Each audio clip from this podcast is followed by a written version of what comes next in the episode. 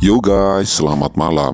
Di mana pun berada, semoga kita selalu dijaga niat dan tekad kita untuk menjalani novab yang mulia ini. Tanpa tekad bulat, rasanya novab ini akan berat terjaga kedisiplinannya. Begitu ya guys. Dear Novabers, men and women. Hari ini adalah novab kedua saya. Dengan itu, saya akan berbagi sebuah materi tentang nasihat yaitu mengusir rasa malas. Dear Snowvapers, men and women. Dari channel ini saya mengajak kepada diri saya sendiri dan kawan-kawan sekalian untuk meningkatkan keimanan dan ketakwaan kepada Allah Subhanahu wa taala. Peningkatan iman yang terus dilakukan dengan peningkatan amal solih karena derajat kemuliaan seorang hamba di sisi Allah hanyalah dinilai dengan ketakwaannya. Allah berfirman yang artinya sesungguhnya orang yang mulia di sisi Allah adalah orang yang paling bertakwa. Quran Surat Al-Hujurat ayat 13 Kawanku Novapers Men and Women Globalisasi bukan hanya membawa dampak positif, namun juga menciptakan dampak negatif terhadap kehidupan manusia. Dampak tersebut dapat dilihat pada kehidupan manusia sehari-hari. Manusia digiring pada kebiasaan untuk memperoleh segala sesuatunya dengan mudah dan bahkan instan. Teknologi baru saat ini telah memudahkan manusia untuk mengerjakan pekerjaan-pekerjaannya dengan sangat mudah sehingga ia tidak banyak melakukan aktivitas fisik yang diperlukannya. Hal tersebut pada akhirnya akan memupuk rasa malas dalam diri manusia. Dalam Islam sesungguhnya malas itu sangat dicela dan tidak baik untuk dipelihara. Islam sangat menekankan agar umatnya selalu berusaha untuk menjauhi perbuatan malas. Nabi Muhammad SAW pernah bersabda, "Jauhilah malas dan tidak semangat, sebab kedua sifat tersebut akan menghalangimu untuk memperoleh manfaat dari dunia dan akhirat. Sementara Imam Ali alaihi salam pernah berkata, seseorang yang malas hingga berlebihan maka akan menjadi lemah dan ia akan menghancurkan kehidupannya dan akibatnya akan mengarah kepada dosa dan ketidaktaatan kepada Allah Subhanahu wa taala. Dear Snowvapers, men and women. Malas khususnya dalam mengerjakan perbuatan-perbuatan yang diperintahkan oleh Allah Subhanahu wa taala adalah perbuatan yang buruk. Juga sifat itu dianggap sebagai ciri orang-orang munafik. Dalam Al-Qur'an disampaikan, sesungguhnya orang yang munafik itu menipu Allah dan Allah menipu mereka pula. Dan jika mereka berdiri untuk mengerjakan sholat, mereka berdiri dengan malas mereka bersifat riak di hadapan manusia dan tidak berzikir kepada Allah kecuali sebentar. Surat An-Nisa ayat 142. Malas juga berdampak pada keadaan jiwanya yang menjadi jelek. Rasulullah Shallallahu Alaihi Wasallam bersabda, apabila seorang hamba bangun malam kemudian berzikir kepada Allah terlepaslah satu ikatan. Apabila dia berwudu, terlepaslah satu ikatan lagi. Jika dia sholat, maka akan terlepas seluruh ikatan. Maka pagi harinya jiwanya akan semangat dan bagus. Jika tidak bangun malam, jadilah jiwanya jelek dan malas. Hadis riwayat Bukhari. Dear Snowvapers, men and women. Dari riwayat tersebut sangat jelas bahwa malas dapat merusak kehidupan manusia di dunia dan akhirat. Malas juga dapat menghalangi harapan manusia manusia dan menyebabkan perbuatan ingkar kepada Allah Subhanahu wa taala. Manusia yang malas tidak akan melaksanakan kewajiban-kewajiban agama dan pada akhirnya ia akan terjerumus ke dalam lembah dosa dan maksiat serta kesengsaraan. Dengan demikian, dampak malas bagi manusia telah sampai pada tahap yang sangat sulit untuk diusir. Sisi buruk sifat malas bukan hanya terkait pada agama semata, namun malas dapat menimbulkan sifat menyia-nyiakan waktu, berlebihan, tidak mau meraih apa pun, dan penyesalan yang sangat parah. Hal ini sesuai dengan pendapat Imam Ibnul Qayyim. Malas maka akan melahirkan sifat menyia-nyiakan waktu, berlebihan, tidak mau meraih apa pun, dan penyesalan yang sangat parah. Maka hal itu akan menafikan sifat keingintahuan dan kekuatan yang keduanya merupakan buah dari ilmu. Dear Snowvapers, men and women. Oleh karena itu, agar kita terhindar dari kebiasaan malas, sedikitnya ada tiga cara ampuh yang diajarkan Rasulullah dalam mengusir malas dari diri kita. Pertama, perbanyak doa. Doa adalah senjata yang paling ampuh bagi umat muslim dalam hal apa pun. Karena hal ini merupakan salah satu bentuk penghambaan diri kepada Allah Subhanahu wa taala. Doa merupakan obat mujarab yang menyembuhkan jiwa orang mukmin yang sudah terjangkiti berbagai penyakit termasuk penyakit malas. Namun doa yang dimintakan harus dengan bersungguh-sungguh kemudian harus dibarengi dengan usaha. Salah satu doa yang diajarkan oleh Rasulullah adalah Allahumma inni a'udzubika minal hammi wal hazani wa minal ajzi wal kasali wa minal bukhli wal jubni wa min hulabati daini wa qahri rijal. Rawahu Abu Daud. Yang artinya ya Allah aku berlindung kepadamu dari kegelisahan dan kesusahan dan aku berlindung padamu dari kelemahan dan sifat malas dan aku berlindung kepadamu dari sifat kikir dan pengecut dan aku berlindung kepadamu dari hutang yang tak mampu ditanggung serta kesewenangan orang yang tak mampu dilawan. Hadis riwayat Abu Dawud. Dear Snowfappers, men and women.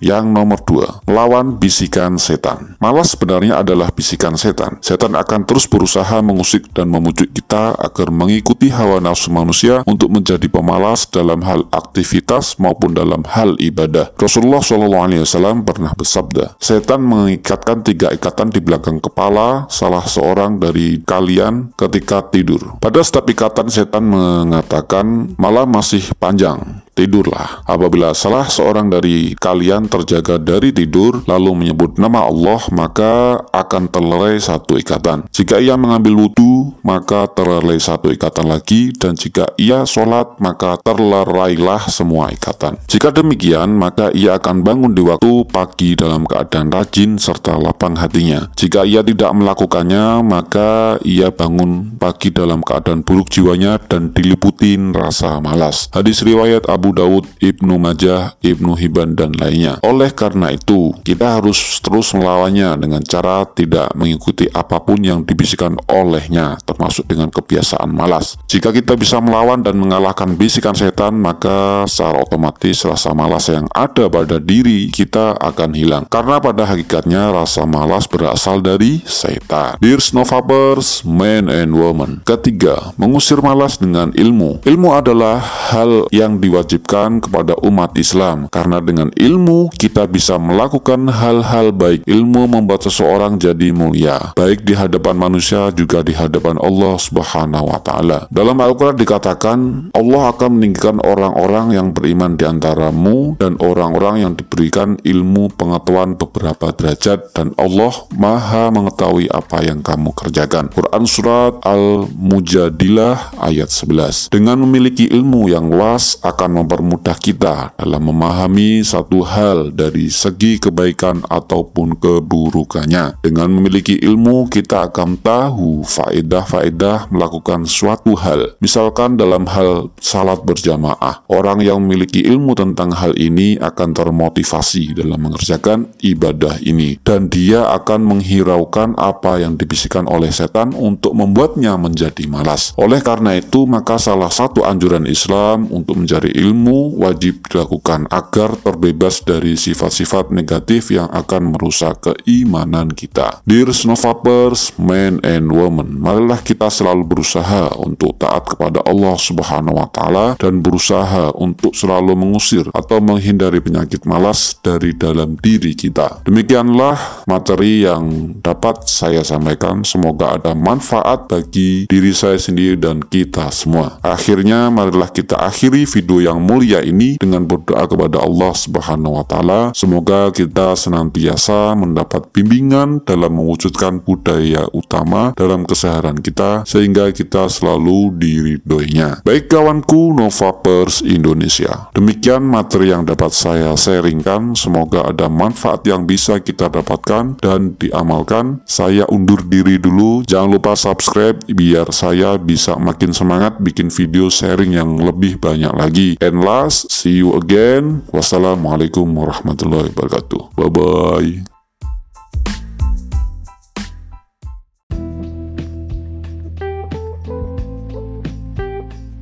Halo guys, Novapers, men and women. Selamat datang lagi di podcast Daily Novap Yusuf dan di channel Novap Yusuf. Hari ini adalah novab keempat saya. Dengan begitu, saya akan mengulas topik yang umumnya dialamin oleh semua pecandu pornografi. Meskipun tidak semua terjerumus ke dalam PMO, setidaknya dengan sharing topik ini akan membantu menyadarkan kawanku semua betapa bahayanya pornografi. Untuk tema topiknya adalah apa yang perlu diketahui tentang kecanduan pornografi. Sebelum saya lanjutkan, jangan lupa di follow podcast Spotify Daily Novab Yusuf dulu dan subscribe channel ini, share video ini, podcast ini ya guys. Baik, yuk langsung aja kita masuk ke materinya.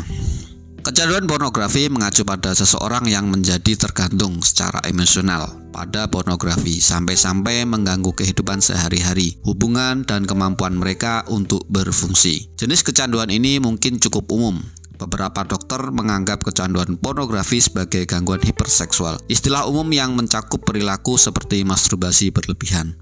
Menurut sebuah studi tahun 2019 menunjukkan bahwa prevalensi gangguan ini mungkin sekitar 3-6%. Namun tarifnya sulit ditentukan karena kurangnya klasifikasi formal. Kecanduan pornografi tetap menjadi masalah kontroversial dengan beberapa penelitian menunjukkan bahwa itu sama sekali bukan kondisi nyata. Teruslah menyimak untuk memahami lebih lanjut tentang kecanduan pornografi termasuk penyebab, gejala, dan beberapa cara untuk mengatasinya. Diagnosis kecanduan pornografi masih kontroversial dan tidak semua terapis akan mengakuinya. Selain itu, para peneliti telah menghadirkan berbagai model tanda yang berbeda. Beberapa profesional kesehatan dan konselor percaya bahwa pornografi itu sendiri tidak bermasalah, tetapi berpotensi menjadi masalah, tergantung pada sudut pandang orang tersebut atau pasangannya. Beberapa indikasi bahwa pornografi dapat menyebabkan masalah meliputi kehidupan seks seseorang menjadi kurang memuaskan, pornografi menyebabkan masalah hubungan atau membuat seseorang merasa kurang puas dengan pasangannya, Seseorang terlibat dalam perilaku beresiko untuk melihat pornografi, seperti melakukannya di tempat kerja. Beberapa tanda lain bahwa seseorang mungkin mengembangkan hubungan yang tidak sehat dengan pornografi meliputi kalian mengabaikan tanggung jawab lain untuk melihat pornografi. Kalian semakin melihat pornografi yang lebih ekstrim untuk mendapatkan rilis yang sama dengan pornografi yang kurang ekstrim yang pernah ditawarkan. Kalian merasa frustasi atau malu setelah melihat film porno tetapi terus melakukannya.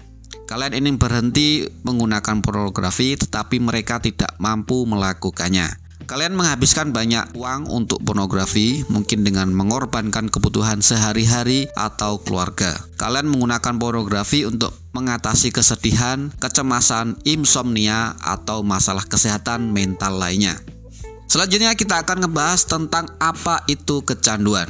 Kecanduan lebih dari sekedar minat yang kuat pada sesuatu. Ini adalah kondisi medis yang mengubah otak dan tubuh dan menyebabkan orang tersebut merasa terdorong untuk terus menggunakan zat atau mengambil bagian dalam suatu aktivitas. Bahkan ketika melakukannya dapat menyebabkan bahaya. Sebagian besar penelitian tentang kecanduan menunjukkan bahwa itu mengaktifkan daerah di otak yang terkait dengan motivasi dan penghargaan. Secara khusus, kecanduan mengubah sistem dopamin tubuh. Ketika seseorang dengan kecanduan awalnya menggunakan zat atau terlibat dalam perilaku, mereka menerima aliran dopamin yang intens, menyebabkan pasangan senang dan penghargaan. Seiring waktu, tubuh mereka dapat menghasilkan lebih sedikit dopamin dan bergantung pada zat atau perilaku untuk merasakan aliran dopamin. Seks bisa menjadi perilaku yang sangat bermanfaat dalam hal dopamin. Menggunakan pornografi juga dapat mengaktifkan sistem dopamin berpotensi menyebabkan kecanduan. Kecanduan juga mempengaruhi aspek lain dari otak, mengubahnya secara terus-menerus dan membuat orang tersebut semakin sulit untuk menghindari zat atau perilaku adiktif.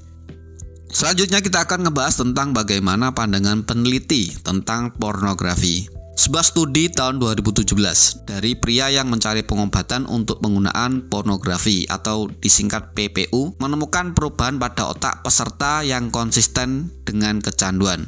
Para peneliti menemukan bahwa otak pria dengan PPU bereaksi berbeda terhadap gambar erotis atau antisipasi mereka dibandingkan otak pria tanpa PPU. Penggunaan pornografi juga dapat mempengaruhi hubungan orang-orang. Misalnya, beberapa penelitian menunjukkan bahwa pornografi menciptakan ekspektasi seks yang tidak realistis. Sebuah studi tahun 2013 menemukan bahwa di antara peserta laki-laki heteroseksual dalam pasangan, penggunaan pornografi dikaitkan dengan kepuasan seksual yang lebih sedikit. Sedangkan yang sebaliknya berlaku untuk peserta wanita, pornografi dikaitkan dengan kepuasan seksual yang lebih besar. Mengekspos pornografi itu mudah dan membutuhkan usaha yang jauh lebih sedikit daripada berinteraksi dengan pasangan. Bagi sebagian orang, ini dapat berkontribusi pada siklus yang tidak sehat, di mana pornografi menyebabkan masalah dalam suatu hubungan, membuat orang tersebut semakin bergantung pada pornografi untuk mencapai kepuasan seksual dan menghindari masalah hubungan. Tidak semua penelitian mendukung gagasan bahwa pornografi itu adiktif. Sebuah studi tahun 2014 menekankan bahwa banyak penelitian tentang kecanduan pornografi telah dirancang dengan buruk atau bias. Para penulis mengingatkan bahwa sedikit bukti yang mendukung hubungan kausal antara penggunaan pornografi dan efek berbahayanya. Sebuah studi tahun 2015 menemukan bahwa di antara peserta yang melaporkan melihat rangsangan seksual visual yang berlebihan atau bermasalah, jalur kecanduan otak yang biasa tidak ada. Otak menunjukkan peningkatan aktivitas saat terpapar zat adiktif, tetapi partisipan yang bersangkutan malah menunjukkan penurunan aktivitas otak saat melihat rangsangan. Ini menunjukkan bahwa model kecanduan yang khas mungkin tidak berlaku. Asosiasi Pendidik Konselor dan Terapis Seksualitas Amerika atau disingkat AASECT berpendapat bahwa hanya ada sedikit bukti bahwa seks atau pornografi bersifat adiktif dan bahwa gagasan kecanduan pornografi berakar pada norma budaya yang sudah ketinggalan zaman dan berpotensi berbahaya. Penting untuk dicatat bahwa beberapa orang mengklaim bahwa pornografi adalah adiktif, mungkin menentang keberadaannya sama sekali atau memiliki gagasan tentang seksualitas yang sehat. Misalnya mereka mungkin percaya bahwa hubungan heteroseksual monogami adalah satu-satunya jalan keluar seksual yang sesuai. Penyebab kecanduan pornografi karena kontroversi seputar gagasan kecanduan pornografi, para peneliti belum mengidentifikasi penyebab yang jelas. Sebuah studi tahun 2015 menunjukkan bahwa mempercayai diri sendiri untuk kecanduan pornografi bukan penggunaan pornografi yang sebenarnya adalah penyebab yang lebih signifikan dari kesusahan terkait. Ini menunjukkan bahwa gagasan kecanduan pornografi bisa menjadi penyebab utama kecemasan yang dialami beberapa orang saat menonton film porno. Sementara itu, para ahli dan pendukung yang mendukung keberadaan kecanduan pornografi berpendapat bahwa seperti kecanduan lainnya, ini adalah masalah yang kompleks dengan berbagai kemungkinan penyebabnya. Selanjutnya kita akan ngebahas beberapa penyebab seseorang terjerumus ke dalam pornografi. Pertama, kondisi kesehatan mental yang mendasari. Seseorang mungkin menggunakan pornografi untuk menghindari tekanan psikologis. Kedua, masalah hubungan. Pornografi bisa menjadi jalan keluar untuk ketidakpuasan seksual.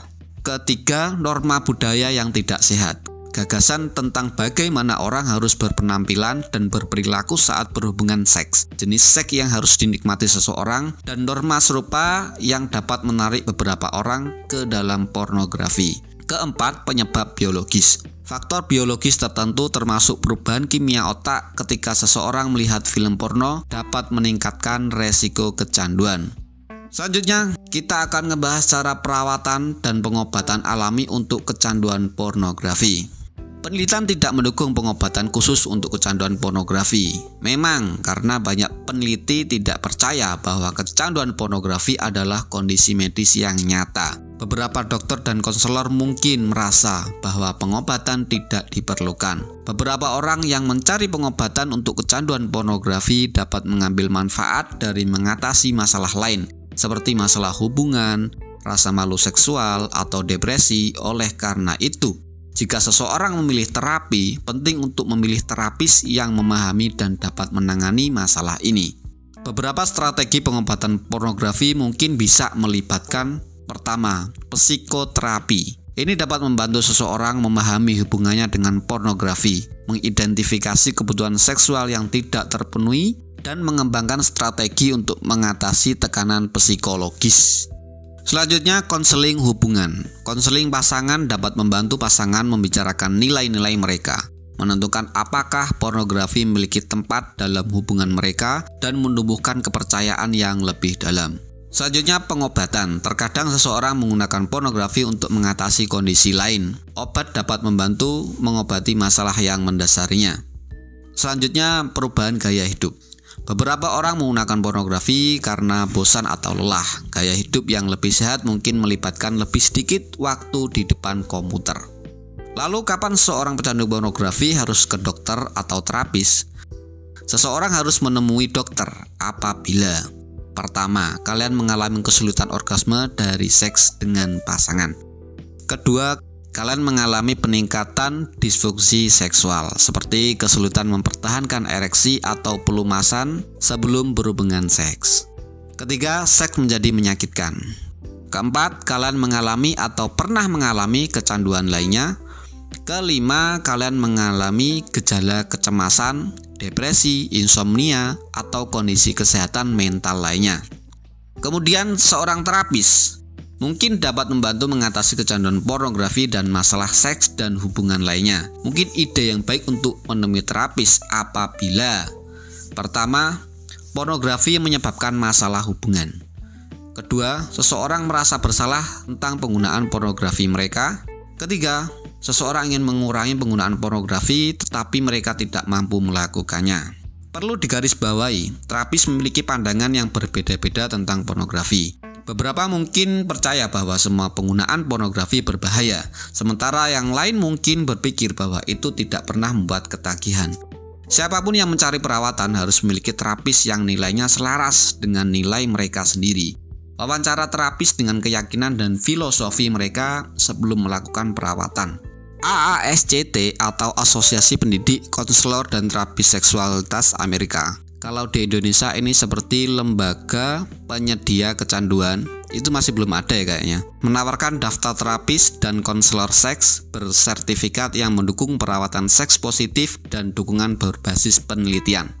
Kesimpulan materi yang saya sampaikan adalah sebagai berikut. Pertama, menonton pornografi secara berlebihan dapat menyebabkan masalah serius, apakah itu kecanduan atau tidak dalam pengertian medis tradisional.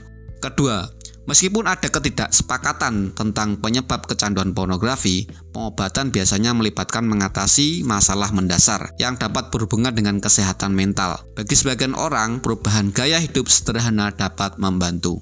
Ketiga, menerima perawatan dari terapis seks positif yang dapat mengidentifikasi masalah mendasar dan menawarkan strategi pengobatan berbasis bukti dapat membantu seseorang meningkatkan hubungan mereka dan mendapatkan kembali rasa kontrol atas penggunaan pornografi mereka.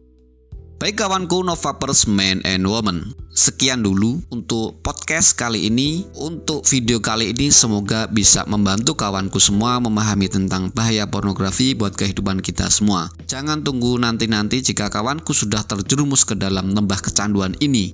Segera kembalilah kepada manusia normal kalian. Hidup yang realistis, hubungan yang sehat, dan mental yang sehat. Jangan sampai kalian terlena akan keindahannya Baik segini dulu penjelasan materinya agak panjang namun serat akan informasi yang didapat ya guys. Saya pamit dulu, see you again. Jangan lupa subscribe, follow podcast ini dan share ya guys. Baik, itu aja. Bye bye. Wassalamualaikum warahmatullahi wabarakatuh.